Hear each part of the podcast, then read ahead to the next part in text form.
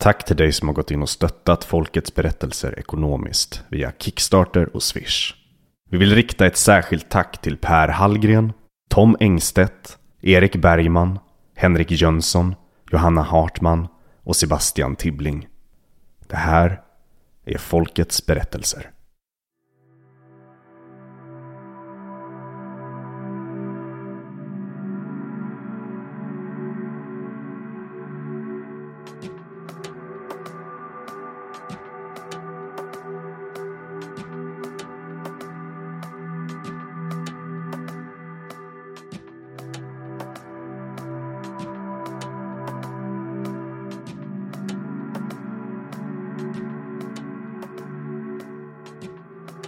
Jag heter Therese och jag var en av de mest hatade människorna i samhället 2021. Detta är min berättelse om hur det var att vara ovaccinerad under covid-19-pandemin. Först och främst ska jag säga att det inte var helt självklart för mig att delta i det här programmet. Du förstår att jag har haft min beskärda del av uppmärksamhet när det kommer till pandemin. Och jag kände väldigt tydligt att jag var inte alls intresserad av att bli en posterperson för allt det där igen. Men så funderade jag och pratade med min man och mina vänner och funderade lite till och insåg att detta kanske var en ypperlig möjlighet för att bena ut och knyta ihop och också dela några av de många världsomvälvande erfarenheter pandemin har fört med sig för mig. Pandemin gjorde att jag fick upp ögonen för saker och sammanhang som jag inte noterat tidigare. Och det har också gjort att de relationer jag har kvar är starkare och djupare. Trots att det finns stor anledning att både på ett personligt och ett globalt plan sörja mycket av det som hände, så kan jag nu i efterhand tydligare se varför saker och ting ägde rum. Så vem är jag och varför pratar jag om pandemin som alla vill glömma? Ja, jag är en helt vanlig person som tappert försöker ta mig igenom livets alla utmaningar med småbarn, eget företag och höga ambitioner och jag pratar om pandemin som alla vill glömma för att det enligt mig finns god anledning att minnas den. Många valde att inte vaccinera sig mot covid-19, men få valde att göra det offentligt som jag.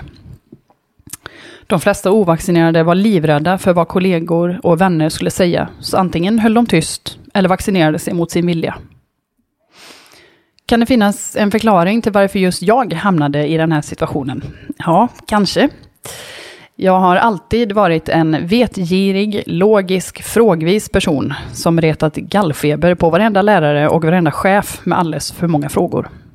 Jag har alltid grubblat över världen och min plats i den och haft existentiella funderingar och ofta känt att jag inte riktigt passar in. Men då vi i denna delen av världen blir matade med att vi har det så bra, har jag försökt övertyga mig själv om att det nog är jag som är problemet snarare än min omvärld.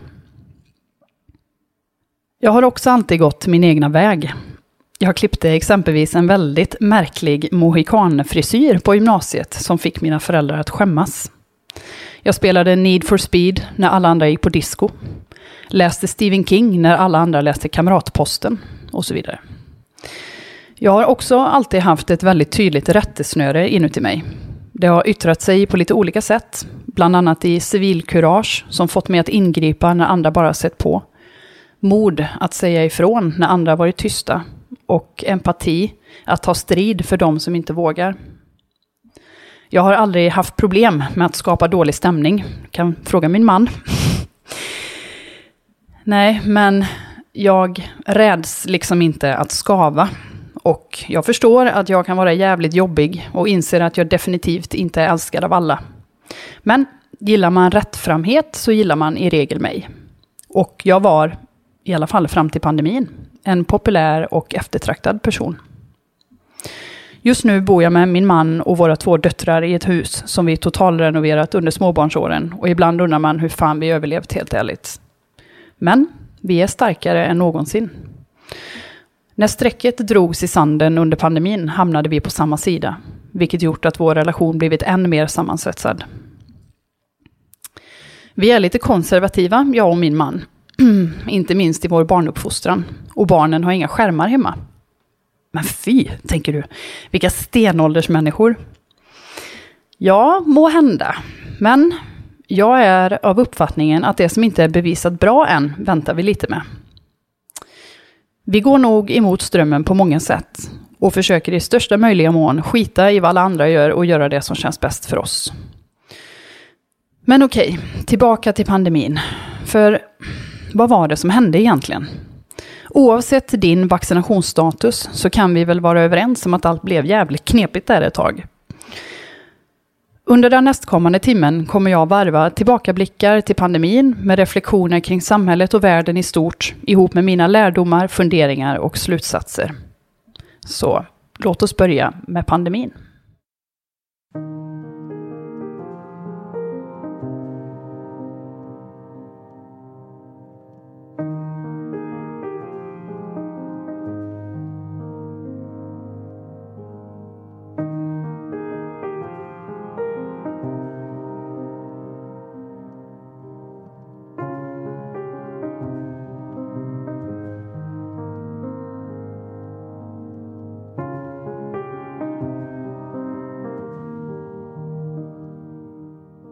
Det är januari 2020 och nyårsruset har knappt hunnit lägga sig innan covid knackar på. Jag följer händelseutvecklingen rätt så sömnigt då covid inte spås bli en hälsofara för den stora massan. De som skulle få det knivigt var som vanligt den mest utsatta delen av befolkningen, våra äldre och riskgrupperna. Så våra liv lallar på som vanligt. För kontext är jag vad samhället anser vara en träningsnarkoman. Det som för mig hör livet till, alltså mycket motion, gör tydligen mig till en träningsnarkoman. Men med en sund inställning till träning kommer ofta en bra attityd till mat. Och det där är en kombination som ofta leder till ett skapligt bra immunförsvar. Jag råkar kanske dessutom med mitt finska påbrå ha ett än vassare immunförsvar då jag inte klockat en enda sjukdag sedan gymnasiet, trots graviditeter och pandemier. Ja, så vad har detta med saken att göra, tänker du? Jo, det är av vikt, för jag har aldrig haft ett behov av medicament mot förkylningar och infektioner. Knappt ens Alvedon. Min kropp löser det där av sig självt. Så när det helt plötsligt blev prat om att varenda människa i samhället, ung som gammal, stark som svag, skulle vaccinera sig mot covid fattade jag ingenting. Men det var inte vaccinationen i sig som skulle bli problemet. Problemet för mig blev censuren, den känslomässiga utpressningen, och tystnadskulturen runt omkring. Men var du inte expert, läkare eller forskare så hade du ingenting att säga till om. inte ens om din egna kropp. Så jag höll mina funderingar, frågor och orosmål för mig själv och fortsatte under hela 2020 att bara dela mitt vanliga lättsmälta innehåll på Instagram och nämnde ingenting om pandemin eller vaccinationen, även fast jag absolut hade åsikter. Så redan här börjar en slags självcensur ta form, som jag helt ärligt var helt ovan vid. Jag spelar alltid djävulens advokat med mig själv, så jag försökte hålla mig ajour kring viruset utifall att jag gjort en felbedömning och märkte hur människor med blotta funderingar blev bemötta. De manglades sönder. De förtjänade knappt att leva när de ställde så dumma frågor. Egoister. Förstod de inte att man har både rättigheter och skyldigheter i ett samhälle? Och eh, här tycker jag att det börjar bli lite olustigt. Skyldighet. Vänta, har jag en skyldighet att injicera något i min kropp? Utsätta mig för risk, även fast jag inte behöver det? Läkarnas ansvar är att behandla den enskilda individen, inte samhället i stort. Så varför går de emot sina principer och förbiser individen? Mitt logos går på högvarv för att göra det ologiska logiskt. Jag hade till råga på allt ett mycket efterlängtat barn i magen. Ett syskon vi försökt och misslyckats med under en längre tid. Och jag var inte alls sugen på att ta de här sprutorna utan några som helst långtidsstudier. Jag fattade inte hur myndigheter med sån säkerhet kunde säga att det var säkert när det aldrig hade använts förut. Och för den som gjorde egna efterforskningar fanns det också tillgängligt redan under 2020 redogörelser från visselblåsare från de stora läkemedelsbolagen som larmade om säkerhetsbristerna, de många biverkningarna som inte dokumenterats, mutade forskare och en massa andra begravda hundar. Jag undrade varför inte våra medier sa något om detta. Visste de inte? Men om jag kunde hitta informationen borde väl deras granskande journalister kunna hitta den? Nej, Någonting djupt inom mig sa, detta stämmer inte. Men jag sa fortfarande ingenting. Jag pratade med några få nära. Men för första gången i mitt liv var jag en lydig medborgare och höll käft i och med att jag inte höll med. Ta lite vatten. Eller kaffe.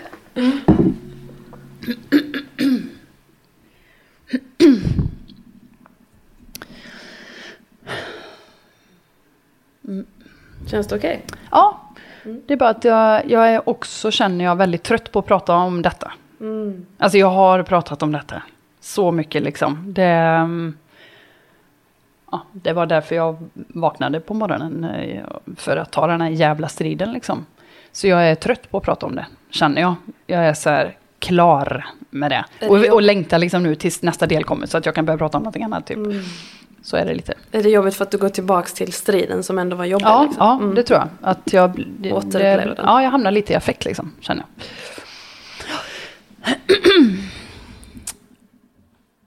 Plötsligt var den enda markören för hälsa covid-vaccination. Jag, som alldeles nyss uppfattades av samhället som ett hälsofreak, var helt plötsligt ett hot mot samhället. Jag minns att en bild cirkulerade på sociala medier, delad av vårdpersonal. Alltså samma personer som svurit en ed att vårda alla slags människor, där det stod ovaccinerade ska nekas vård. Så om jag, träningsnarkomanen, som aldrig belastat vården, som varenda dag tar mitt ansvar för att hålla mig frisk, mot förmodan skulle bli sjuk, då skulle inte jag vara värd vård.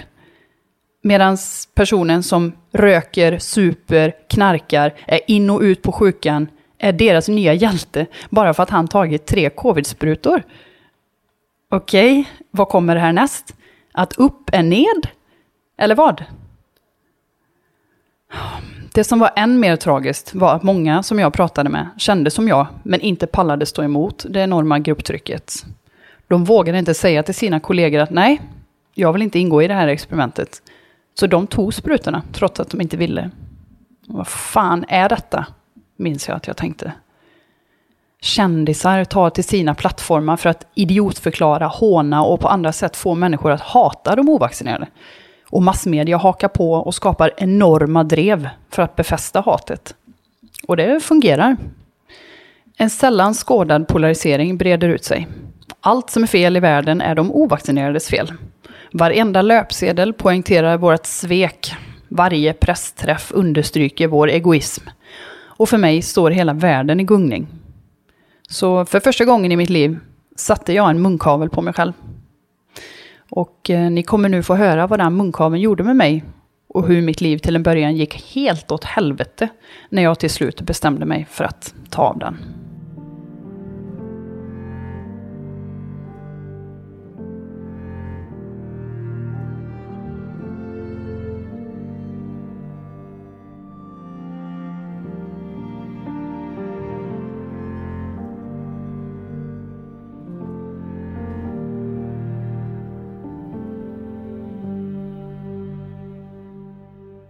En bit in på hösten 2021 sitter jag med min munkavel och hatar mig själv. Ja, det kanske låter dramatiskt, men jag känner mig verkligen som en liten lort. Att inte få prata fritt visar sig ohälsosamt för mig och jag får nästan en identitetskris till följd av det. Vem är jag ens? Har jag ingen moral? Har jag inget civilkurage? Jag har fått pausa min annars så aktiva och transparenta Instagram-närvaro med svepskälet att jag vill dra ner på skärmtiden. I själva verket vet jag bara inte hur jag ska bete mig på sociala medier om jag inte får prata fritt och säga vad jag tycker. Jag använder denna nedkopplade tid till att inte alls vara nedkopplad, utan lägger mer tid än någonsin på att försöka förstå vad det är som försiggår. För det som hela tiden gnager i mig är en känsla av att något inte stämmer. Och jag vänder i princip upp och ner på internet för att hitta svaret. Jag som aldrig funderat över samhällets strukturer tidigare märker att det finns otroligt mycket att lära sig. Om bland annat våra politiker och deras fallenhet för jäv. Och hur deras privata investeringar och, och ekonomiska intressen styr politiken. Om hur myndigheter samarbetar med privata aktörer utan medborgarnas vetskap och hur statliga medier lägger lite eller noll tid på att faktiskt utföra sitt uppdrag, som är att granska makten. Medan jag gräver runt på internet hittar jag fruktansvärda övergrepp från olika delar av världen. Och jag märker att svensken är helt avskärmad från allt. Då varken Aftonbladet, DN, TV4 eller SVT rapporterar om det. Och här är några exempel som verkligen får mig att fundera över åtgärderna kring pandemin. Och glöm inte att allt detta sker i så kallade demokratiska välfärdsländer. Till exempel så råder det utegångsförbud i Australien och kravallpolis brottar ner, handfängslar och bötfäller människor som lämnat sina hem på otillåtna tider.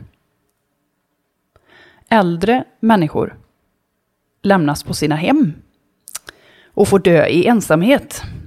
Vissa hävdar att de dog av ensamheten i sig.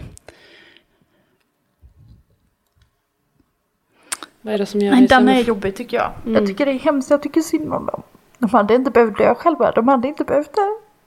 Jag tror inte det. Jag tror inte att de, de hade mått... Sista, sista skedet i livet liksom och inte ha någon vid sin sida. Bara, bara dö. Och ingen är där. Och jag, om det hade varit så här att ja, men det var tvunget att bli så. Vi hade inget val, det fann- det fanns liksom inget annat. Nej men okej. Men så var det inte. Jag är liksom övertygad om att det inte bara hade behövt gå till på det sättet. Så att det var så jävla... Oh, svek. Du har ju massa som är där inne och vill ut liksom. Mm. Mm. Så det här är bra. Få ut det. Ja, kanske faktiskt få säga detta och så bara... Ja. Och det här får också vara en del av din berättelse. Mm. Det kan vi ju ta sen. Men att ja, liksom sätt inga gränser för dig själv. I, när det kommer det gråt så gråt lite och Mm. sen fortsätter du berätta. Alltså du en del utav, utav det får gärna vara med, Mm. tycker jag. Ja. För att eh, jag har inga problem med det, att, Nej. eh, att visa på det och att... eh, För det är en genuin reaktion. Ja, liksom, det var det verkligen. Det, det bara bubblade upp nu för jag såg det framför mig. Att de här, Mm. man sitter och tittar ut genom fönstret och tar sitt sista andetag och det är ingen där. Helt tomt. Mm. In, inte sin familj och sina barn och barnbarn och alla. Mm. Det är fruktansvärt tragiskt tycker jag. Oh, ja, okej.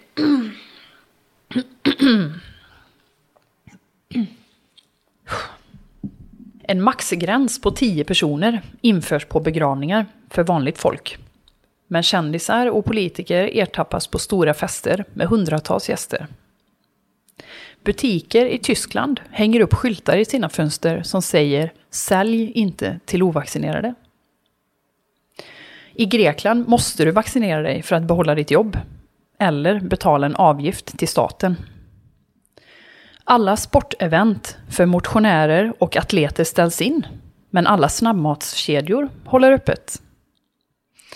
Och sen, bland det största av svek, det mot våra barn och ungdomar. Som stängs ute från sina idrotter, vilket snabbt leder till passivitet, ökad psykisk ohälsa, men Super Bowl, NHL, Uefa och Wimbledon och alla de andra stora ligorna, där, där är det business as usual. Ja, det finns hundratals fler exempel och jag ska inte trötta ut er med dem. Men det är ju fullständigt uppenbart att det var just business det handlade om. Inte folkhälsa, inte solidaritet, inte hela samhällets bästa. Kanske några enskildas bästa, men inte mitt och ditt.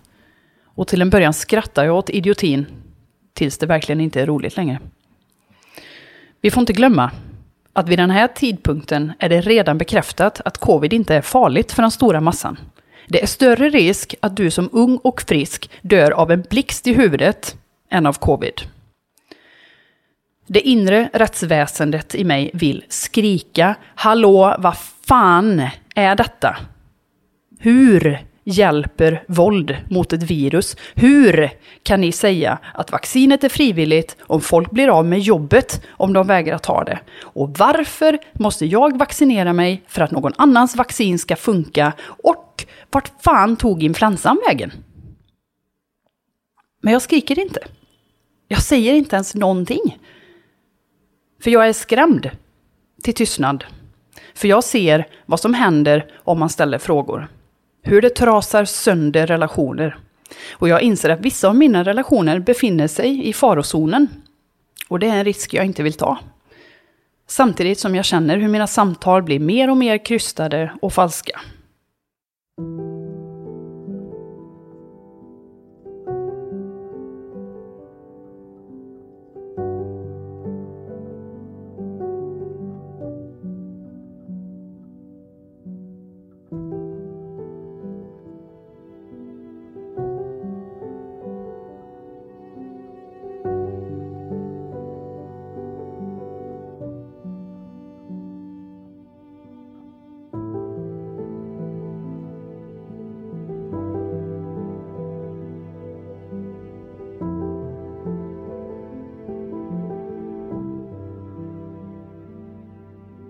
Ja, som ni hör blev detta mycket större än bara några sprutor för mig.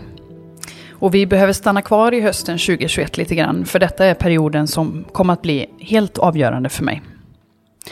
Det är en väldigt svår tid. Människor runt mig låter som trasiga bandspelare. Alla säger samma sak. Upprepar det som står på löpsedlarna och det som sägs på nyheterna. Som robotar.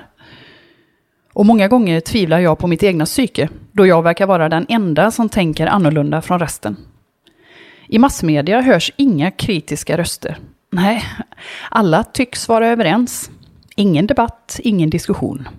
Folk upplevs kusligt samstämda. Och det är här jag börjar notera ett väldigt märkligt samtalsklimat.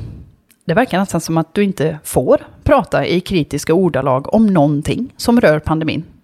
Du får inte ens prata om att du vill prata om det. Folk har fullständig beröringsskräck. Vid flertalet tillfällen upplever jag en sån djup orättvisa att jag bara vill skrika. Men jag knyter gång på gång näven i fickan och biter mig i tungan. Jag ska ge några konkreta exempel. Under våren 2021 ska vi på skolan där jag går min utbildning ha föreläsning. Väl på plats hänvisas de ovaccinerade till ena sidan av rummet och de vaccinerade till den andra. Jag blir då ensam sittandes på ena sidan av klassrummet medan mina vaccinerade klasskompisar sitter i en stor klunga på andra sidan. Här blir alltså min privata medicinska status synliggjord för alla. Nästa exempel är på mödravårdscentralen, för jag var ju gravid, som jag nämnde. Och där blir jag ombedd att skydda det växande barnet i min mage med det här vaccinet. Och vid det här laget har jag redan bestämt mig för att aldrig ta dessa injektioner. Men jag frågar ändå efter långtidsstudier. Hon säger då kort och gott att det inte finns några, men garanterar mig att vaccinet är helt säkert. Hon skickar sen med mig en broschyr om saker som jag ska undvika under min graviditet för att det inte finns tillräckligt med långtidsstudier kring hur det påverkar fostret. Jag ska absolut inte dricka kamomillte, bland annat. Och jag vet inte om jag ska skratta eller gråta åt de dubbla budskapen som hon inte ens verkar märka själv. Ett annat exempel. På julbordet med min mans företag är jag inte välkommen om jag inte kan uppvisa ett vaccinpass. Jag erbjuder ett PCR-test på plats som alternativ då chefen för eventet säger att han infört vaccinpass för att minska smittspridningen och att han har ett ansvar att garantera säkerheten för sina gäster. Okej, visst, de kan ju smitta ändå, tänker jag, men jag försöker vara tillmötesgående. Men du, jag är ju den enda bland alla tusentals vaccinerade som faktiskt kan intyga friskhet. Då alla de vaccinerade kan bära på smitta, men ändå tillåtas inträde, säger jag. Mm. Nej, det är vaccinpass som gäller. Jag avslöjar motvilligt för honom att jag är gravid och verkligen inte vågar eller vill ta detta nya preparatet, men att jag har sjuka cravings på julskinka och snälla kan jag få komma in ändå i hopp om lite medmänsklig förståelse. Men nej, det är vaccinpass som gäller. Så min biljett ska brinna inne och en sån som jag, citat, ska helst aldrig sätta min fot på hans etablissemang igen. Jag vänder mig då, trots hjärtklappning av nervositet, till vår lokala tidning för att få stöd i det här fallet om julbordet, då jag blir oerhört provocerad av hans uppenbart ologiska och orättvisa resonemang. Men jag blir av den artikeln framställd som en foliehatt i offerkofta. Kommentarerna väller in. Skyll dig själv din egoist. Gå och lipa någon annanstans. Försvinn vidriga människa. Buhu, inte lätt att vara korkad. Hoppas du får covid och dör din jävla fitta. Några dagar efter nyhetsinslaget blir jag kontaktad av en anställd från det här julbordet. Han berättar att han har läst mitt reportage och undrar om alla vaccinerade gäster som går dit i tron att de är säkra vet att han och många andra i personalen är ovaccinerade. Chefen har nämligen inte krävt vaccinpass av de anställda.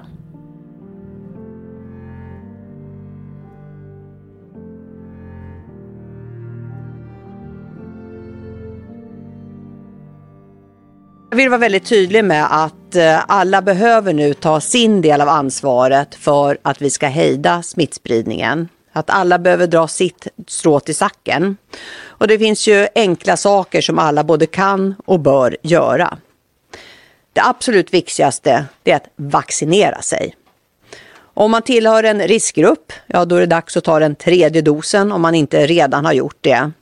Men om du av något skäl inte har vaccinerat dig alls ännu, då är det dags att göra det nu och så fort det överhuvudtaget går. Och tills du har vaccinerat dig och har täckning så ska du iaktta mycket stor försiktighet och följa de strikta rekommendationerna som gäller för ovaccinerade. Därför vill jag också inskärpa allvaret hos dig som ännu inte är vaccinerad. Gör som så många andra svenskar redan har gjort. Vaccinera dig och gör det så fort du kan. Vaccinet är ju utan tvekan det bästa skyddet vi har att tillgå, både för dig som individ men också för samhället som helhet. Och detsamma gäller såklart för dig när det är dags att ta den tredje dosen. Gör det så fort det är möjligt. Så vad hon säger här är alltså att jag ska ta vaccinet som inte funkade de tre första gångerna på någon annan. Här någonstans inser jag att jag inte har ett val. Det finns inget alternativ. Antingen så är jag ärlig mot mig själv, eller så lever jag i en lögn. Och jag förstår, jag förstår att priset kan bli högt. Men jag känner djupt inom mig att jag måste agera. Det är någonting som talar till mig inifrån. Som uppmanar mig att för helvete göra det som är rätt. Så i december 2021 tar jag bort munkaven. Sen tar jag ett djupt andetag och så skriver jag ett långt inlägg på Instagram. Om hur jag känner, vad jag upplevt och att jag tycker att vi snälla måste gå lite mer varsamt fram. Jag hänger på knappen i nästan en timme. Jag har inte skrivit någonting olämpligt eller fel, men ändå känns det så. Och någonstans förstår jag att ingenting kommer bli sig likt efter att jag publicerat denna texten. Så jag tvivlar och jag våndas. Men jag manas på av det där inre rättssnöret som jag nämnde i början av programmet. Som säger att är du inte sann mot dig själv kan du lika gärna lägga dig ner och dö nu direkt. Eller ja, först så får du gå och förklara för din man och dina två små barn att sorry hörni, mamma är en liten lort. Och sen kan du lägga dig ner och dö. Vilket givetvis inte är ett alternativ. Så jag trycker på knappen och så lägger jag ifrån mig telefonen. Och efter en lång stund så vågar jag titta. Tusentals har redan sett klippet på mindre än en timme. Reaktionerna är blandade. Jag får oväntat många hejarop i kommentarsfältet från människor som skriver Heja dig, vad modigt och äntligen någon som säger det många av oss tänker. Och redan här, då är det några som avföljer. Men jag får ändå känslan att det finns ett intresse att prata mer om detta. Och givetvis måste vi kunna prata om det här. Så jag tänker att kanske kan jag, genom att våga prata öppet, inspirera andra att också våga prata öppet. Och det är detta som blir mitt mantra framåt. Jag tänker på det som Gandhi sägs ha sagt. Be the change you wish to see in the world. Så mitt lättsmälta träningsbebiskonto tar en drastisk vändning till ett sätta kaffet i halsen-konto. Och jag förstår att många satte sin kanelbulle i vrångstrupen när jag plötsligt började dela tankar och åsikter om pandemin och vaccinationen. Nej, men vad gör hon? De har ju sagt på nyheterna att man får inte prata om det där. Ja, jag blir väldigt engagerad i samhället i stort och inser att det finns så otroligt mycket att lära om vår värld och vår plats i den som jag bara inte greppat förut. Och tydligen finns det många fler som delar mina tankar, så mitt konto växer och blir ett slags nav för likasinnade. Och efter att den här enorma stenen har släppt från mitt bröst och jag äntligen känner mig fri så börjar en enorm resa i personlig utveckling för mig. En helt otrolig resa som jag fortfarande befinner mig på. Varje dag nu är en gåva av nya insikter och lärdomar och det känns som att jag hela mitt liv har tittat men nu för första gången ser. Jag har läst fler böcker de senaste tre åren än jag har gjort under hela min livstid. Alltså fattar ni hur otroligt många välskrivna och lärorika böcker det finns? För jag hade ingen aning. Jag har bland annat läst mycket om forna Egypten och antikens Grekland och fördjupat mig i skrifter från de riktigt stora tänkarna som Platon, Aristoteles och gänget. Sokrates har tydligen sagt, det enda jag vet är att jag inte vet någonting alls. Ha! Han är ju smartaste killen i rummet. Ett tag så snöade jag in på biokemisk näringslära och hamnade då i böcker om ursprungsbefolkningar. Och det som var mest intressant med de här grupperna var deras fantastiska hälsa. De var starka, atletiska, välmående, välfungerande, lyckliga, tillfreds och precis kärnfriska, både fysiskt och psykiskt. Men så fort de kom i kontakt med den vita mannens kost och levnadssätt så krackelerade både deras hälsa och deras moral. Och detta är relativ nutid. Och det säger ju ändå en del om hur vi lever. Och att det absolut finns utrymme för förbättring eller kanske till och med nödvändig förändring. Och jag tror att det är lätt att se på primitiva folkgrupper som att de vet mindre än oss. Men det där tror jag är helt fel. Om vi stannar på 1900-talets början en stund vill jag också nämna en tysk herre vid namn Carl Jung som inspirerat mig jättemycket. Han var den mer kände Sigmund Freuds lärjunge och de gick sida vid sida tills Jung utvecklade en egen gren inom psykologin som kallas analytisk psykologi. Jung pratade ofta om ett neurotiskt tillstånd som han uppmärksammade hos många av sina patienter redan på den tiden, och nu snackar vi alltså tidigt 1900-tal. Ett tillstånd som han kallade för soul sickness. Han tyckte alltså att man var sjuk i själen. Detta var, kort beskrivet, ett ångestfyllt tillstånd som enligt han uppstod när människor kontinuerligt var oärliga, gjorde saker mot sin vilja, levde på falska premisser eller på något sätt inte var sanna mot sig själva. Och enligt Jung var detta grunden till allt ont som följer därefter.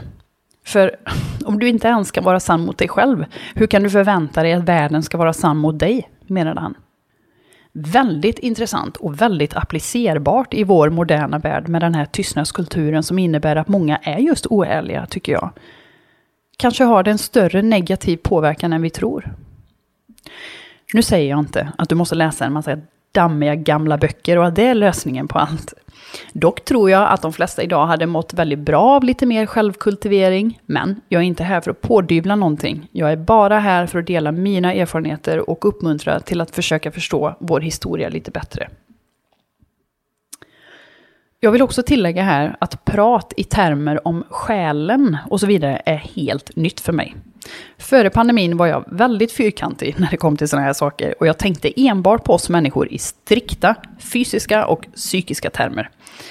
En av anledningarna till att jag nu tror mer på en själslig del är för att det har blivit så tydligt att vi är skapta så.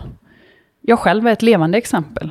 Jag är en person som tagit väldigt god hand om den fysiska och psykiska hälsan, men ändå känt att något fattats.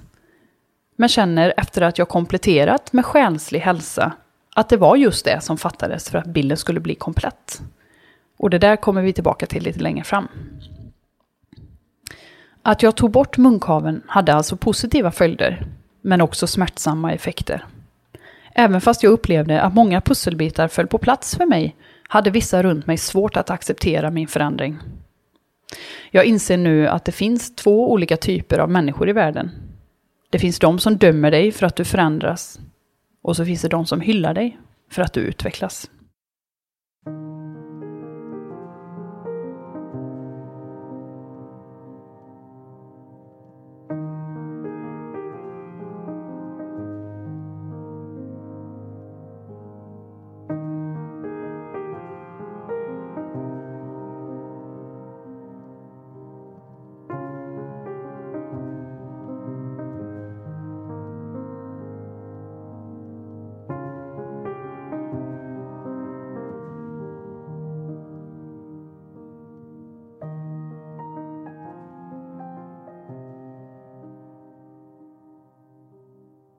Jag tror faktiskt att de flesta i min omgivning hade kunnat acceptera att jag valde bort sprutorna. Det var att jag inte höll det för mig själv som blev problemet. Som min barndomsvän som tyvärr sa upp vänskapen med mig uttryckte det.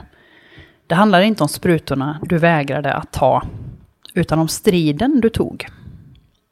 Så hade jag hållit tyst hade jag säkert fått vara kvar i värmen lite längre. Men som sagt, det var inte ett alternativ för mig. Och ju grövre övertrampen blev, desto mer högljudd blev jag. Och detta resulterade i att företag jag gjort samarbeten med på Instagram försvann. Ihop med barndomsvänner, gamla familjevänner, hundratals bekanta och faktiskt även delar av min släkt. Men det gjorde också att jag kände än mer att det krävdes en motpol. Om vi är redo att till och med förkasta livslånga relationer för samhällets bästa, vad ska vi då med samhället till? Och här följer några exempel på vad som krävdes för samhällets bästa. Om du kanske glömt. Två veckor innan jul 2021 säger dåvarande statsminister att vi ska ta en Krampaus från människor som du inte är absolut säker på att de har vaccinerat sig. Detta gör att min inkorg svämmar över vid långhelgerna av ensamma människor som tack vare statsministerns uppmaning blivit uteslutna från jul och nyårsfiranden, trots att det vid den här tiden står helt klart att ovaccinerade inte utgör en större risk än någon annan och att vaccinerade smittar minst lika mycket, kanske till och med mer. Ta sprutorna för andras skull. Ja, det berömda solidaritetsargumentet. Det är ju bara det att Pfizer testade aldrig vaccinet för smittspridning. Så att du ska ta sprutorna för att skydda någon annan är redan från start ett falsarium. Ändå ger CDC och i förlängningen Folkhälsomyndigheterna rekommendationen att barn från 12 år och uppåt ska vaccinera sig för att inte ha ihjäl sin mormor. Så jag undrar, även om de flesta förhoppningsvis inte får biverkningar, hur många barn och ungdomars hälsa äventyrades med, helt i onödan. I december 2021 lägger regeringen 200 miljoner kronor av våra skattepengar på kommunikation för att nå de ovaccinerade. Pengar som kunde lagts på fler IVA-platser eller annan avlastning till vården. Men nej, de läggs på att citat kartlägga de ovaccinerade, ta reda på vart de bor och var de befinner sig. Sedan dess har åtskilliga skattemiljoner lagts på forskning med syfte att öka vaccinationsviljan. Allt eftersom detta fortsätter släpper jag fler och fler spärrar på Instagram. Fuck it, tänker jag. Detta är fel. Jag känner det i hela min kropp och folk får tycka vad de vill och jag skiter i hur många som vänder mig ryggen eller hur många nya epitet jag får. Vid det här laget var jag redan foliehatt, konspirationsteoretiker, fascist, rasist, nazist, egoist, idiot. Ja, det var någonting nytt varje dag. Ja, men då delade du säkert en massa desinformation, tänker du. Jag spyr på detta ordet som blivit ett paraplybegrepp att ta till när man inte kan bemöta kritik.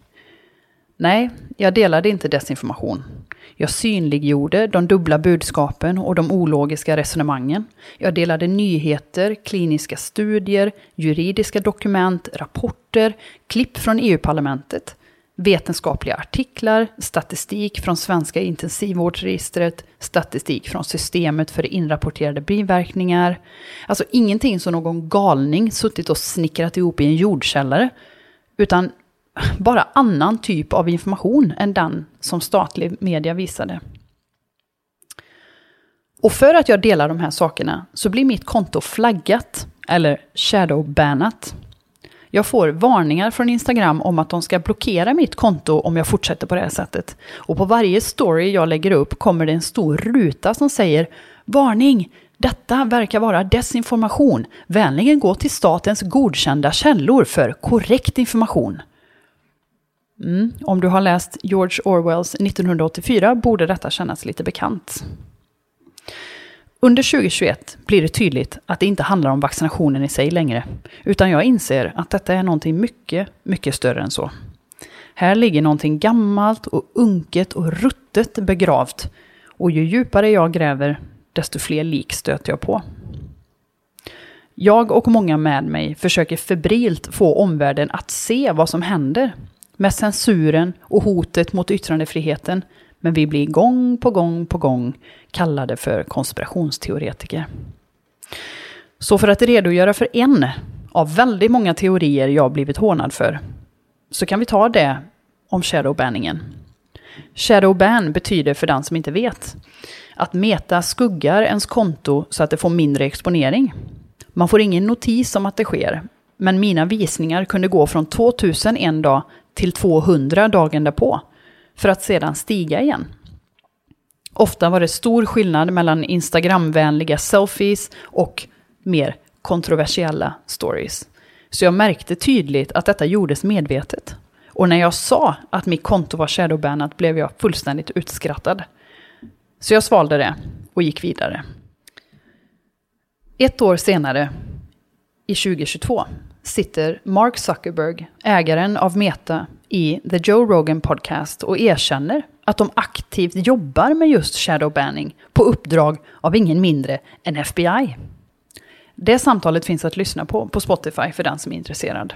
Och det där är bara ett av hundratals exempel där regeringen gjorde övertramp mot oss medborgare och där vi som såg igenom teatern blev uthängda som galningar. the distribution on Facebook was decreased, but people were still allowed to share it. So you could still share it, you could still consume it. So when Um, you say the distribution is decreased, and it, it got shared. It, how does that work? It basically the ranking in newsfeed was a little bit less. So fewer people saw it than would have otherwise. So it definitely, By what percentage? I, I don't know off the top of my head, but it's it's it's meaningful. Ja, du minns kanske att jag tidigare nämnde att jag upplevde hela min omgivning som kusligt samstämd. Det var alltså inte bara min upplevelse, utan vad shadowbanningen gjorde var att ge illusionen av att folket var helt enade, när det i själva verket fanns massvis med kritiska röster som blev censurerade. Och det där har jag förstått nu är ett uråldrigt knep, taget direkt ur CIAs handbok för psykologisk krigsföring. Jag väntade länge på ursäkter i takt med att fler och fler sådana här konspirationsteorier besannades, men insåg snart att jag väntade förgäves. Ingen upprättelse skulle komma, inga ursäkter skulle komma.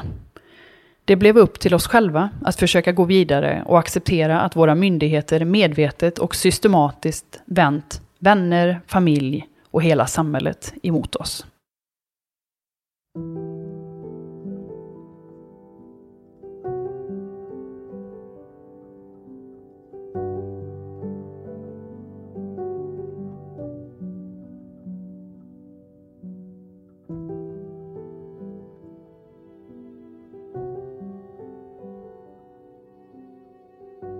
2021 rullar över i 2022 och jag föder på vårkanten mitt andra barn. Och jag går då från att ha inget barn till att ha tio barn. Ni som vet, ni vet. Men jag ägnar också så mycket tid jag mäktar med åt att tala för dem som inte får höras. Och jag säger detta för att jag vet att många tyckte att jag var en riktigt jobbig jävel där ett tag, men de flesta förstår inte mina avsikter. Och vad många inte vet är att det mesta av mitt arbete på Instagram faktiskt pågick bakom kulisserna, där jag i privata konversationer blev ett stöd för väldigt många utstötta individer. Så jag använder mitt Instagramkonto till att tala för dem som varenda dag fyller min inkorg med nya berättelser. Alla de som är vilsna, ensamma och ångestfyllda. Jag blir ett språkrör för dem vars äktenskap faller isär och för dem vars vänskapsrelationer förstörs. För många människor är jag den enda personen de har anförtrott sin vaccinationsstatus till. En främling på internet. Jag är den enda personen de vågar vara helt ärliga med.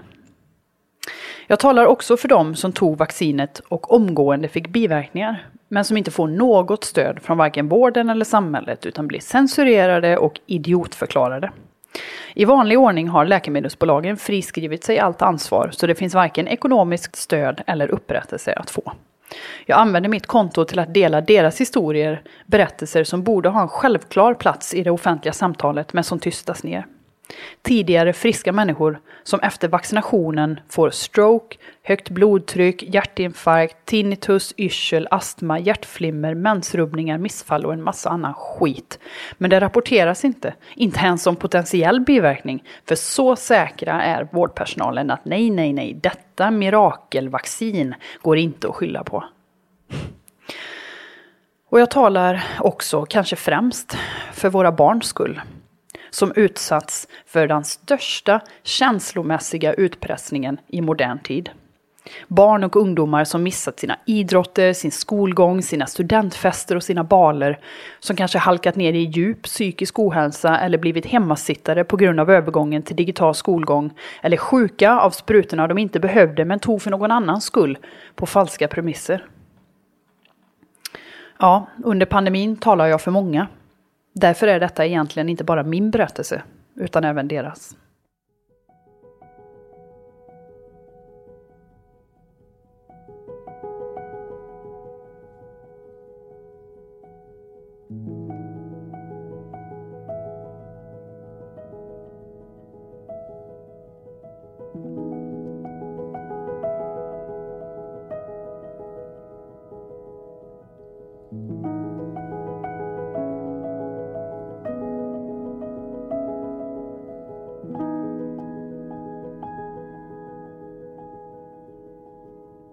Ja, vad händer då i verkliga livet? Nu har det handlat mycket om Instagram, men det var där som det största dramat utspelade sig. För på grund av mammaledighet i kombination med nyutvecklad torgskräck höll jag mig mycket hemma. Jag bor nämligen i en liten stad där jag bland annat jobbat mycket på krogen. Så jag var en inte helt okänd person i sociala kretsar. Jag har alltid älskat att prata med folk och jag var som sagt en omtyckt person innan pandemin. Men efter att jag offentligt börjat ifrågasätta en massa saker som man inte får ifrågasätta så började folk bemöta mig annorlunda. Folk undrar vad som har hänt med dig, sa min frisör till mig. Folk säger att du har tappat det. Tappat det? tänker jag. Men jag som känner så tydligt i mitt hjärta att jag är på rätt spår. Med nya perspektiv, nya insikter, nya bekantskaper. Och ett hjärta fullt av förundran och ett sinne fullt av nyfikenhet. Nya nivåer av medvetenhet som gör att syfte, mål och mening i livet visar sig. Det här är ju saker som folk letar efter hela sina liv utan att hitta. Vadå tappat det? Jag har ju för fan hittat det. Men hela samhället och delar av min inre krets försöker intala mig att jag är på fel spår. Vi vill ha tillbaka gamla Therese, får jag ofta höra. Och här blir det väldigt komplicerat. Jag vet inte längre hur jag ska vara. Man vill ju inte vara en jobbig jävel. Men samtidigt känns det som ren självklarhet att informera om jag hittar grejer som är direkt farliga. Till exempel, jag blev varse hur många saker som får kallas livsmedel men som verkligen inte borde ätas. Och hur många saker som får ingå i hudvård som verkligen inte borde vara i närheten av kroppen. Och hur många miljarders miljarder som betalats ut i skadestånd under årens lopp för allt mänskligt lidande den genomkorrupta läkemedelsindustrin har orsakat. Jag ville varna alla runt mig och upplysa dem om bättre val. Men den största lärdomen för mig, och den som har varit absolut svårast att svälja, är att alla är inte intresserade av sån här typ av information. Det är faktiskt förvånansvärt få som är. Och egentligen är det ju inte så konstigt. Vi är matade med att livet är för kort för att bekymra sig om någonting alls som är besvärligt eller ledsamt eller krångligt eller jobbigt. Och jag inser att ignorance is bliss för de flesta. Men knowledge är verkligen power för mig.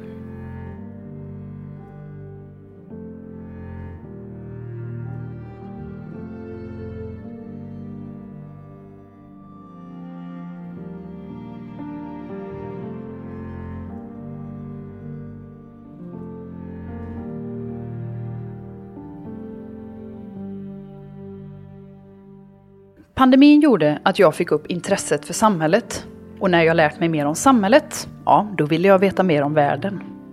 Därför har jag läst hundratals böcker och lyssnat på lika många poddar. En del av det jag tagit del av handlar om livet före vår tideräkning och våra förfäders komplexa sätt att se på människan och hennes roll. Om samspelet mellan oss och naturen och det högre medvetandet som var en självklar del av människans liv före sekulariseringen. Hela min världsbild har vidgats på bara några år och det är nu omöjligt för mig att inte fantisera om hur vi hade levt och mått om inte industrialiseringen och moderniseringen förvandlat oss från andliga väsen till stressade maskiner. Vi tror ofta att vårt sätt att uppleva världen är det normala, men man får inte glömma att det bara har ansetts normalt i cirka hundra år. Om vi går tillbaka tre, kanske 400 år i tiden tänkte och upplevde människor världen på ett helt annat sätt. Det var under den vetenskapliga revolutionen på 1700-talet som filosofer började diskutera människan utifrån konceptet maskin, vilket var en markant avvikelse från tidigare betraktelser där människan snarare setts som en förening av kropp, själ och ande. Och jag undrar lite, vad har detta nya synsättet på människan gjort med oss? Kan det vara en orsak till ohälsa? Till det där hålrummet som många av oss bär på. En annan sak jag funderat mycket på är åsiktsbildning. Hade vi hamnat där vi hamnade under pandemin utan massmedia till exempel? Har du själv någonsin funderat på vart du får dina åsikter ifrån? Hur kan vi utveckla individuella åsikter när vi har ett Utbildningssystem som indoktrinerar oss att tänka likadant.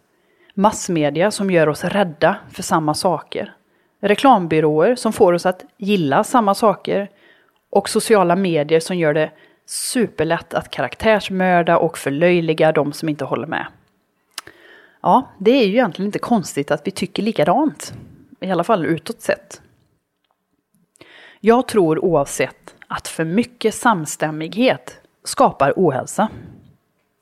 Därför vill jag ta tillfället i akt nu och slå ett slag för den sanna debatten och de ärliga samtalen. Den gamla greken Platon ansåg till och med att dialog var grundläggande för att befästa nya kunskaper. En väletablerad åsikt sedan industrialiseringen tog fart är att det är exceptionellt viktigt att vara effektiv och produktiv. Vi blir lärda att det mest värdefulla i livet är utbildning, helst vetenskaplig, och bra betyg. Att det mest hederliga du kan göra är att arbeta så in i helvete, gärna mer än du mäktar med. Vi blir lärda att det mest eftersträvansvärda är många siffror på bankkontot. Vi ska jobba, jobba, jobba och välja bort familj, träning och samhällsengagemang för att med gott samvete överlåta barnuppfostran till staten och internet för att stolt kunna säga att vi minsann jobbat övertid. Skulle du ändå få tid över finns det en miljard mobilspel eller serier på Netflix att fastna i. Distraktioner på distraktioner så att du inte hinner reflektera över ditt liv. Jobba, jobba, jobba så att du kan drömma om att bli fattigpensionär när du är 75 och sen få 10 år på ålderdomshem där dina barn väljer bort dig. Ja, så som du valde bort dem när de var små. Men ställ inga frågor längs med vägen utan lita på att detta är exakt vad livet går ut på, varken mer eller mindre. Staten lotsar dig från vagga till grav och de vet bäst hur du bör leva och dö. Åh, oh, ja, köper vi detta verkligen? Tycker ni det låter rimligt? Vad säger magkänslan? I Sverige tror jag att vi har en vansinnig övertro till stat och myndighet. All makt ska utgå ifrån folket, står det på ett dammigt papper någonstans. Men hur ser det ut i verkligheten? Hur mycket har vi att säga till om? Och en än mer intressant fråga är ju, hur mycket har våra politiker att säga till om? Visste du att John D. Rockefeller, världens första miljardär, sa I don't want a nation of thinkers, I want a nation of workers. Kan det vara för att människor som tänker ifrågasätter och människor som ifrågasätter är ett problem? Ja, det kändes verkligen så under pandemin i varje fall. Har du tänkt på att vi har energibolag som tjänar på energikriser, militära industrikomplex som tjänar på krig, läkemedelsbolag som tjänar på pandemier, sjukhus som tjänar på sjukdom, livsmedelsjättar som tjänar på matbrist och banker som tjänar på finansiella kriser? Ja, så är det i alla fall. Och jag undrar, tjänar du och jag på något av detta? Eller är det samma vinnare och samma förlorare varje gång? Nej, samhället hade behövts göras om och göras rätt. Och detta är de flesta överens om. Men det jag ofta får höra när jag pratar om de här sakerna är att ja, det är fucked up, men vad ska vi göra åt det då? Och den frågan har jag ställt mig själv i flera år nu och jag tror att jag kan ha hittat en liten ingång. Två saker. Ett vi måste våga prata mer. Vi måste våga prata mer om allt, om allt vi tänker och känner och tycker. Både för vår egen hälsas skull men också för att våra barns framtid hänger på det. Nu riskerar de att växa upp i en clownvärld där krig är fred, rätt är fel, män är kvinnor, lögn är sanning och människor med psykisk ohälsa idoliseras. Nyckeln tror jag ligger i att våga säga nej till allt som är ovärdigt, osunt och ologiskt. Och om du inte vågar säga nej så ifrågasätt det åtminstone. Yttrandefriheten är levande och om vi inte utövar den så dör den. Och då spelar det ingen roll vad det står i någon dammig lag någonstans. Utan det fria ordet är vi inte fria. Så enkelt är det. Och två. Vi får inte låta oss skrämmas. Idag lever vi i konstant skräck. Klimatkris, kärnvapenkrig, pandemier, det är matbrist, energibrist, det brinner, det är kriminalitet, det är översvämningar, terrorattacker, cyberattacker. Vad har alla dessa hot gemensamt? Jo, delvis så skapar de ju stora säljande löpsedlar. Och sen handlar de alla om planetens undergång. Vilket gör att människan varje dag går runt och i bakhuvudet är rädd för mänsklighetens undergång. Och jag undrar lite vad det gör med det mänskliga psyket. Blir man sugen på att skaffa fler barn?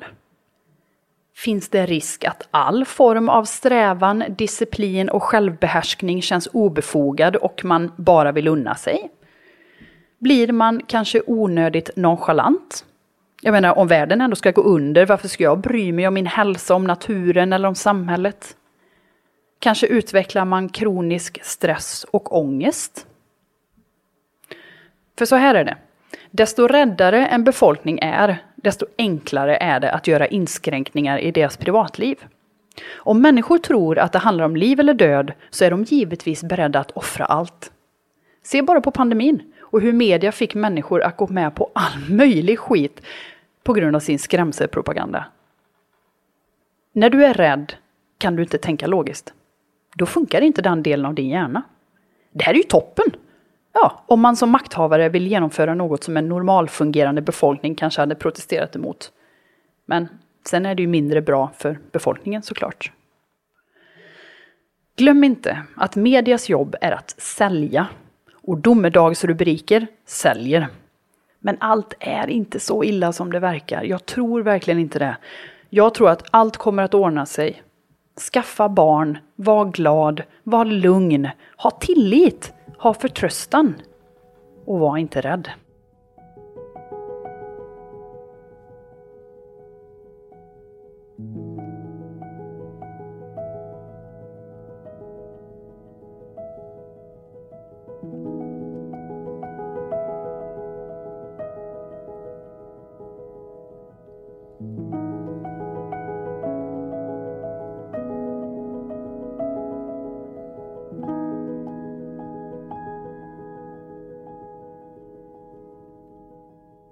En annan viktig insikt för mig som jag vill ta upp är att jag tror att vi alla egentligen vill samma sak.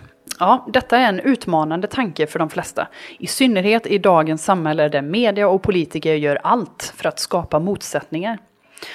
Men om vi tänker bortanför vårt moderna samhälle och tänker mer primitivt. Då tänker jag att vi vill bli sedda, hörda och validerade.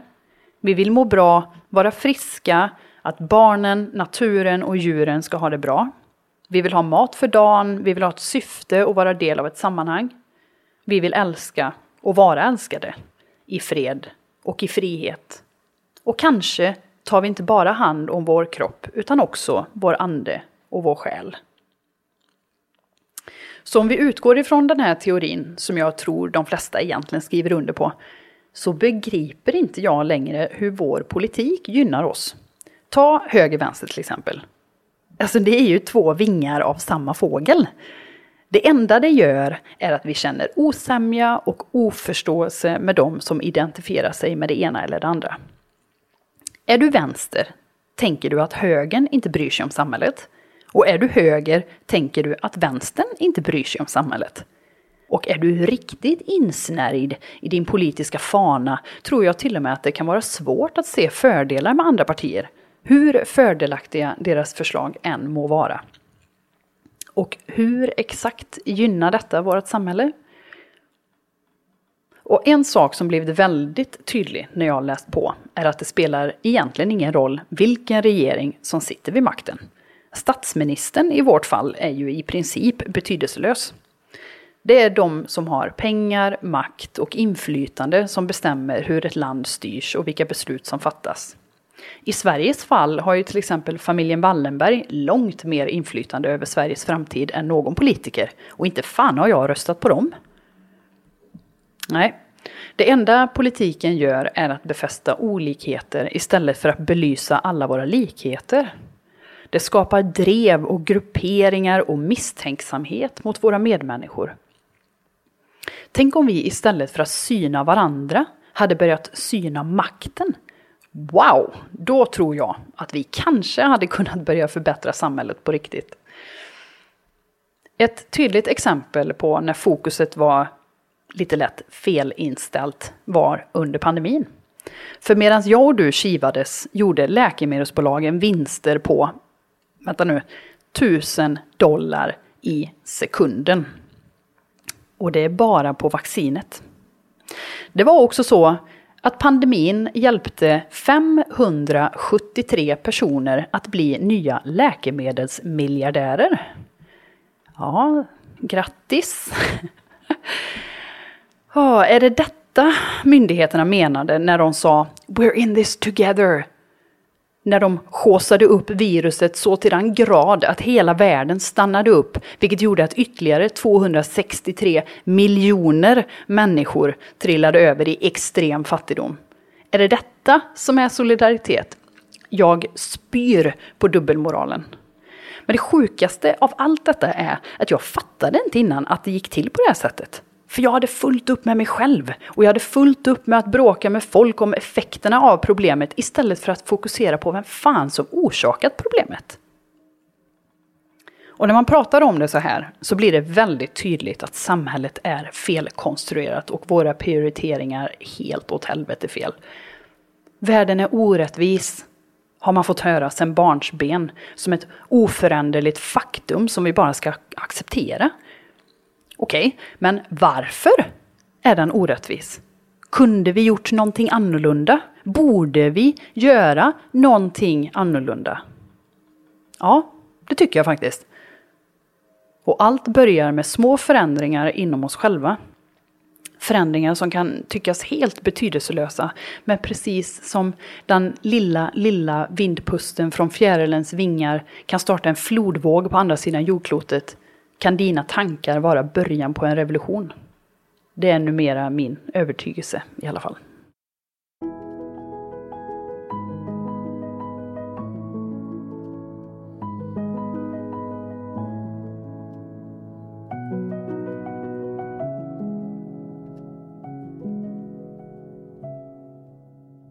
Jag måste säga att det verkligen varit svårt att försöka sammanfatta det mest meningsfulla av allt som jag har tänkt, känt och funderat på de senaste åren. Och samtidigt göra det lyssningsvärt och värdefullt.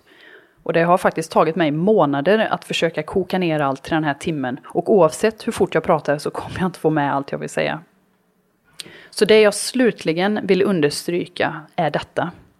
Sanningen och lögnerna. Notera nu, singular och plural. Det finns otroligt många lögner. Men det finns bara en endaste sanning. Och då syftar jag främst på sanningen inom oss själva. Dina sanna åsikter utan media. Dina sanna val utan grupptryck. Och dina sanna relationer utan baktankar. Varenda människa jag samtalar med idag känner att något inte stämmer. Någonstans längs med vägen har det blivit fel. Men det är svårt att sätta fingret på exakt vad felet är. Genom allt brus och vår fullspäckade uppkopplade tillvaro som gör att vi sällan eller aldrig hinner tänka efter på riktigt eller känna efter på riktigt. Många av oss har fått upp ögonen för fejkmaten, så vi försöker äta bättre. De flesta vet idag att motion hjälper, så vi tränar mer. Vi tänker att ah, skärm kanske inte är toppen, så vi försöker att scrolla mindre. Ja, vi försöker göra alla rätt och ändå känns det inte rätt. Jag själv har känt det där inom mig, egentligen så länge jag kan minnas, och har sökt desperat efter inre anknytning. Och så kom pandemin och tvingade mig att söka på nya ställen. Jag undrar, kan det vara så att vi alla har letat på fel ställen? Kanske hade Jung en poäng när han pratade om soul sickness. Kanske hade ursprungsbefolkningarna rätt när de sa att naturen var helig och om vi skadar naturen så skadar vi oss själva. Kanske är det dags att inse att pusselbiten som fattas inom oss inte kan skapas i fabrik, inte köpas för pengar eller ersättas med teknologi. Kanske behöver vi sluta se på oss själva som fullärda. Och kanske ska vi fundera över möjligheten att våra förfäder visste någonting som vi nu har glömt. Någonting viktigt. Någonting grundläggande. För annars undrar jag om vi inte närmar oss en slags självutplåning. Naturen och planeten kommer klara sig, det har den alltid gjort. Men vi däremot, med självcensur, oärlighet, sviktande moral, ytliga begär och egocentriska självbilder. Genom avstånd till varandra och fullständig dissonans inom oss själva. Besatta av konsumtion som vi intalar oss själva är tecken på framgång och välfärd med en nivå av bekvämlighet som inte hade varit möjlig utan plundring och stöld.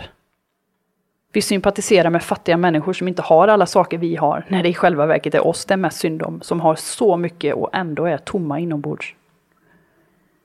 Men jag tror att det finns en annan väg, som leder till någonting helt annat. Som vi alla vandrade på en gång i tiden. Och det är just detta som är det ljuva i kråksången. Jag hade inte hittat dit om jag inte blivit så oerhört hatad som jag blev.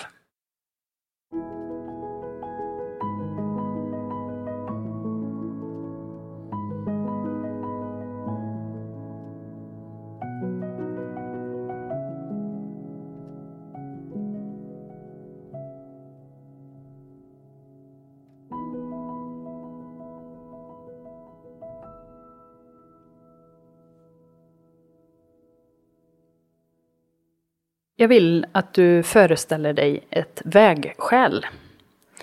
Till höger har du en smal, krokig och mörk väg. Och till vänster en bred, rak och upplyst väg.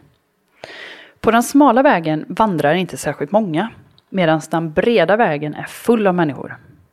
Vägskylten som hänger där varnar för den smala vägen. Tillträde på egen risk, står det medan den breda vägen inte behöver någon skylt. Man lär sig tidigt att den breda vägen är att föredra. De flesta väljer den breda vägen för att den känns enklare. Den kräver inte lika mycket. Men mycket av det som händer på den breda vägen är artificiellt och falskt. Den breda vägen lockar dig med frestelser, snabba kickar och genvägar. Kanske inte alltid rättvisa, moral eller sanning, men den utlovar bekvämlighet. Och den breda vägen må vara bekväm, men den är också förrädisk. Sakta bryter den ner sina vandrare och snart yrar människorna runt på den breda vägen vilsna och andefattiga med förakt och rädsla i sina hjärtan. På den smala vägen möts du av ständiga utmaningar och du har ett stort eget ansvar. Den smala vägen är inte alltid kul eller enkel, men den är meningsfull och äkta.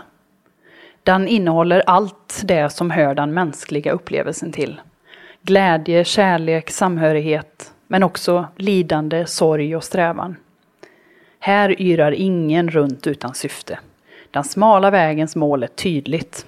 Den leder till liv. Inte bara existens, som den breda vägen erbjuder, utan liv. Den smala vägen har mycket att ge, men den kräver också någonting av sina vandrare. Den kräver sanning, mod, engagemang, vördnad för naturen och allt levande samt långsiktighet. På den breda vägen behövs inget sådant. Där kan du leva lite som du själv behagar och stanna i det bekymmersfria nuet.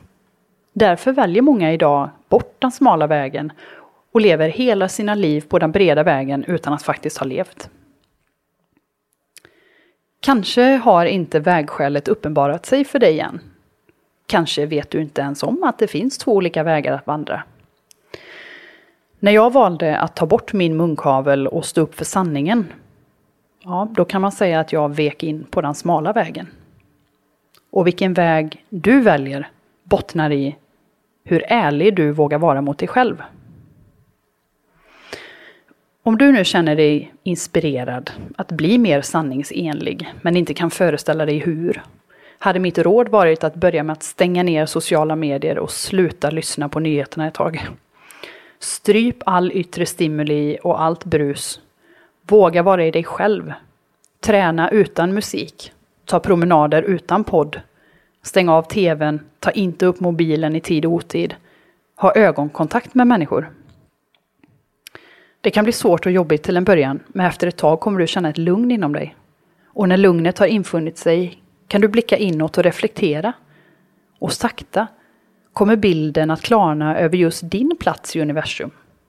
Du kommer att se vart det gick snett och du kommer förstå vad du behöver göra. Du behöver ha lite tålamod för det är en stillsam process. Någonting vi i den moderna världen är ovana vid. Men du kommer att känna när du är på rätt spår. När det andliga får utrymme att kommunicera med dig.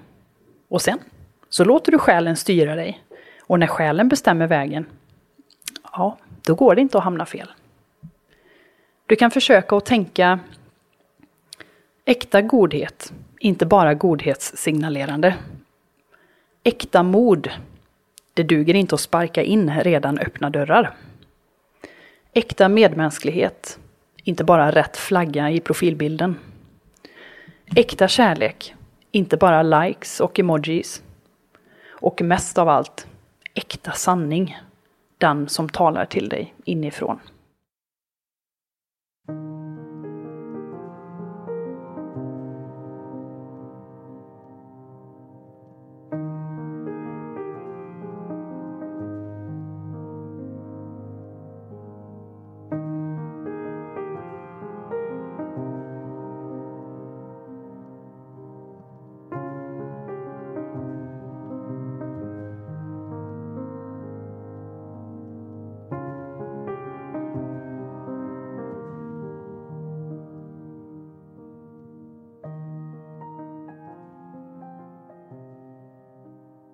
Var det någonting i allt det du berättade som var extra jobbigt att berätta om? Ja, jag tror att um, jag kände mig väldigt missförstådd under pandemin. Alltså, alltså, under hela den tiden då jag höll på som mest liksom att dela information och sådär. Så kände jag mig väldigt missförstådd. Mm, för jag tror att folk inte riktigt förstod vad jag höll på med. Medan det för mig var alldeles glasklart liksom att tro fan att jag ifrågasätter de här grejerna, det borde du också göra. alltså, och, det, och det i sig skapade ju en klyfta liksom. Um, men det, anledningen till att jag drev på så hårt som jag gjorde var ju för att det drabbade en, eh, en väldans massa människor liksom. Som kanske inte, eller som de gamla då, som uppenbart var en väldigt öm punkt.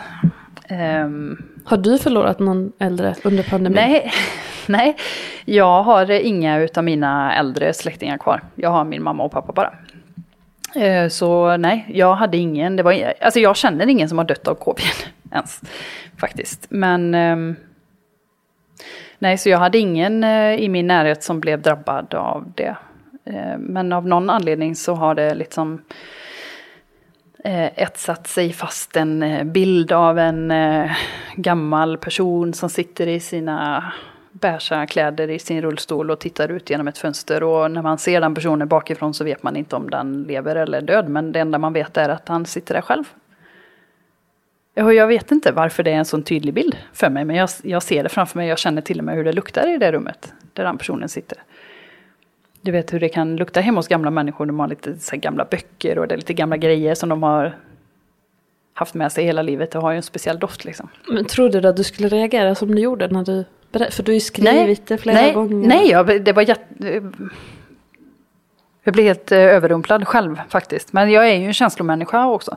Som man nog väldigt tydligt hör i, i den här berättelsen. Att det är högt och lågt och åt alla håll och kanter och spretigt så in i helvete. Och det är många saker som ska eh, in.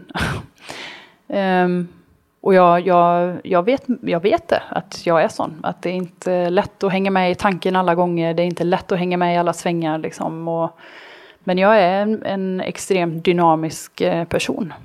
På ett sätt har du ju berättat den här berättelsen på olika sätt. Alltså via dina Instagram liksom posts. Och, mm. Alltså du har ju försökt mm. eh, på olika sätt. Och mm. tagit samtal, alltså diskussioner med mm. människor. Men att, att sitta här och berätta det du vet, under sån här lång tid på det här sättet? Vad, vad är skillnaden känner du från allt det andra du har gjort och att berätta på det här sättet? Vad har det gjort med dig? Jag, jag tänkte när jag blev erbjuden att få vara med i programmet så kände jag att, eller först så kände jag att nej jag orkar inte, det går inte, jag kan inte, jag orkar inte riva i det ännu mer liksom. Men sen så kände jag att eh, det skulle bli en, ett jättebra tillfälle att eh, få prata till punkt, kommer jag ihåg. Att jag kände väldigt tydligt att fan vad skönt att inte bara få den här teckenbegränsningen på Instagram där man Alltså det är så jävla svårt att få någonting sagt överhuvudtaget för att du har så lite utrymme att uttrycka dig på. Um, och hela tiden bli avbruten och påhoppad och ifrågasatt. Och... Så jag kände att det här skulle bli en väldigt eh, bra möjlighet för mig att få prata oavbrutet. Eh, och att det skulle bli en väldigt skön känsla. Men det har faktiskt varit eh, väldigt läskigt också. Och jag har känt mig rätt så... Det tog lite tid nu in i berättelsen innan jag kunde släppa garden.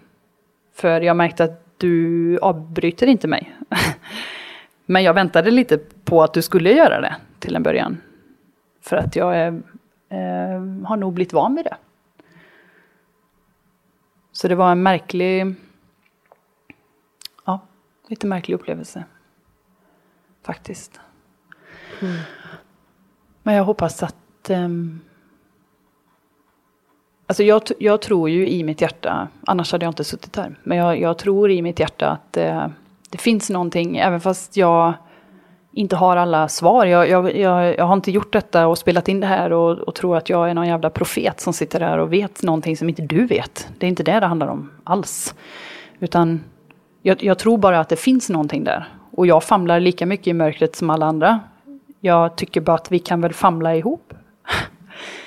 Och så kanske vi hittar, om vi hjälps åt, eller någonting. För att vi är ju överens om att något är fel. Så jag vill liksom bara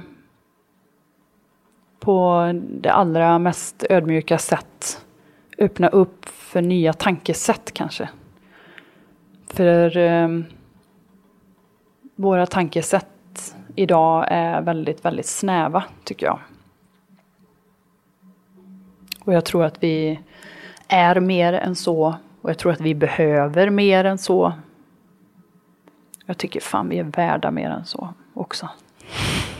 Väldigt häftigt. För mig också som mm, på den här sidan och bara Ja, inse att okej, okay, shit. Så kan det också vara. Så enkelt liksom bara, Ja. avbryt inte. Nej, just det. Och sen tänker jag på något som återkommit mycket med dig är det här med att ja, men du vill lite ursäkta dig för att du, du tycker att, att andra upplever dig som störig och har till och med blivit kanske sagt, alltså du har fått höra det någon gång, att du är för mycket eller ah, lite för mycket, lite jobbig. Ehm, så du har ju liksom flera gånger försökt liksom, ah, men jag måste bara ursäkta mig för att jag har så mycket att berätta, har så mycket att säga och att jag får ta den här platsen och säga det. Eh, och också det här med att bli missförstådd. Det har, du också, det har också poppat upp några gånger att du vill så gärna inte bli missförstådd. Alltså, har det alltid varit så här för dig Therese? Sen liksom liten ålder tänker jag, eller är det den här händelsen med pandemin som har väckt det här till liv? Jag tror att ehm, alltså jag, jag hade ett väldigt, eh, nu vet jag inte om jag redan sa detta när vi spelade in innan, men när jag jag fick, jag fick ju faktiskt en liten eh, identitetskris eh, efter pandemin. Alltså det handlar ju mycket om att det sättet man har eh, sett på världen och förhållit sig till världen förändras. När man förstår att de maktstrukturerna man har förlitat sig på kanske inte är så stabila. Och ehm, liksom helylle som man har trott. Man, att man, man liksom öppnar Pandoras låda helt plötsligt och bara fuck det är ju fullt med skit här i. Eh, det- här vill jag inte, det här har jag inte tid med. så. Um, men um, så när hela världen, eller så här, förändras världen och du ser att den förändras så förändras även du själv. Det är ju ofrånkomligt. Liksom. Det är som att uh, a man can never walk into the same lake twice, eller vad det här ordspråket är. Um, och um, jag hade lite svårt själv att acceptera den förändringen. Liksom. Att jag blev intresserad av andra saker och uh, fick ja, men lite nya intressen och sådär. Mm, så, för det var så många runt omkring mig som inte gillade den förändringen. Som verkligen ville ha tillbaka den gamla Therese som bara var happy-go-lucky.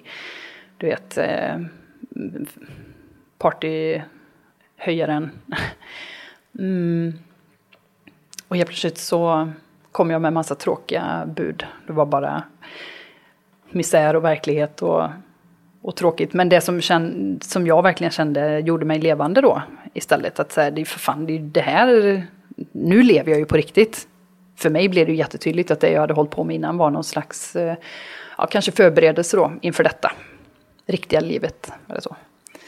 Att jag har vandrat på den breda vägen hela livet och sen helt plötsligt, fuck det är ju här på den smala vägen det händer, det händer riktigt häftiga grejer. Så jag tror att det här, som, för att svara på din fråga då, i otroliga, otroliga omvägar. Men jag tror att jag, jag har vandrat på den breda vägen men eh, liksom någonstans inom mig vetat att det finns en annan väg. Men inte vetat hur jag ska ta mig dit. Och liksom försökt att på olika sätt hitta, hitta den. Mm. Och sen när den väl uppenbarade sig så var det bara helt jävla självklart liksom att det är klart jag ska gå på den här vägen. Det finns ju inget annat. Så ja, det, det har alltid funnits där och eh, konflikten mellan att eh, stå upp för det som är rätt eh, kontra hur omgivningen kommer uppfatta det. Ja, den har alltid funnits. Men jag har 99 av 100 gånger ändå alltid valt det som känns rätt. Så jag har alltid haft den, den tydliga, liksom, det tydliga rättesnöret har alltid funnits. Men eh, som min eh, vän sa, när jag ringde med gråten i halsen och frågade om jag om vi fortfarande var vänner, om hon fortfarande liksom är jag är jag fortfarande samma person? Är vi fortfarande vänner på de premisserna som vi alltid har varit? Och så sa hon bara, ja Therese, du, du är precis som du alltid har varit. Du är, inte, du är inte förändrad, du är förstärkt. Saknar du dina vänner och bekanta som inte liksom, som valde att liksom bryta kontakt med dig och undrar också, ångrar du liksom lite att, eh, att du gjorde som du gjorde eftersom de bröt kontakt med dig? Ja, jag saknar. Jag saknar några jättemycket. Du vet, man har olika vänner för olika saker nästan. Eller framförallt när man blir äldre blir det lite så. Att man har den här går man ut och festar med, den här går man på teater med och den här har man en bokcirkel ihop med. Eller du vet, så olika, olika personer till olika saker. Och eh, jag hade några vänner som var, ja men, fyllde de här facken då. och de lämnade ett väldigt stort tomrum efter sig. Um, så, ehm, men med det sagt så jag hade inte kunnat göra på något annat sätt ändå. Och om våran vänskap inte pallar detta eller också om de inte ser det jag ser, då är vi kanske inte liksom helt kompatibla ändå. Och en sak som jag har tagit med mig också från hela den här eh, resan liksom, är att eh, everyone is not coming on the ride. Alltså det är verkligen så. Och det, man får bara lära sig att släppa taget. Mm. Och jag har försökt att knyta ihop det. Jag, de valde att säga upp kontakten med mig, men jag har försökt att eh, liksom knyta ihop det. Jag var den som tog kontakten och sa detta som jag säger nu. Jag, du fattas mig, kan vi lösa detta?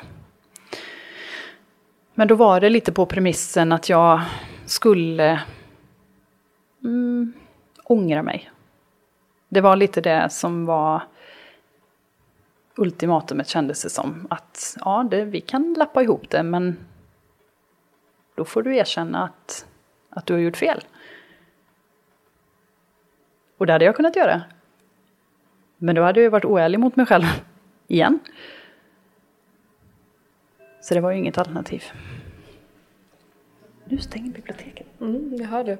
Okej, okay, när hon har pratat klart. Tänker mig sista du vill säga. Um, jag ska bara höra hon pratat klart. Ja. Vad, vad känns liksom levande i dig just nu? Efter att ha liksom gjort den här resan och berättat allt det här för oss.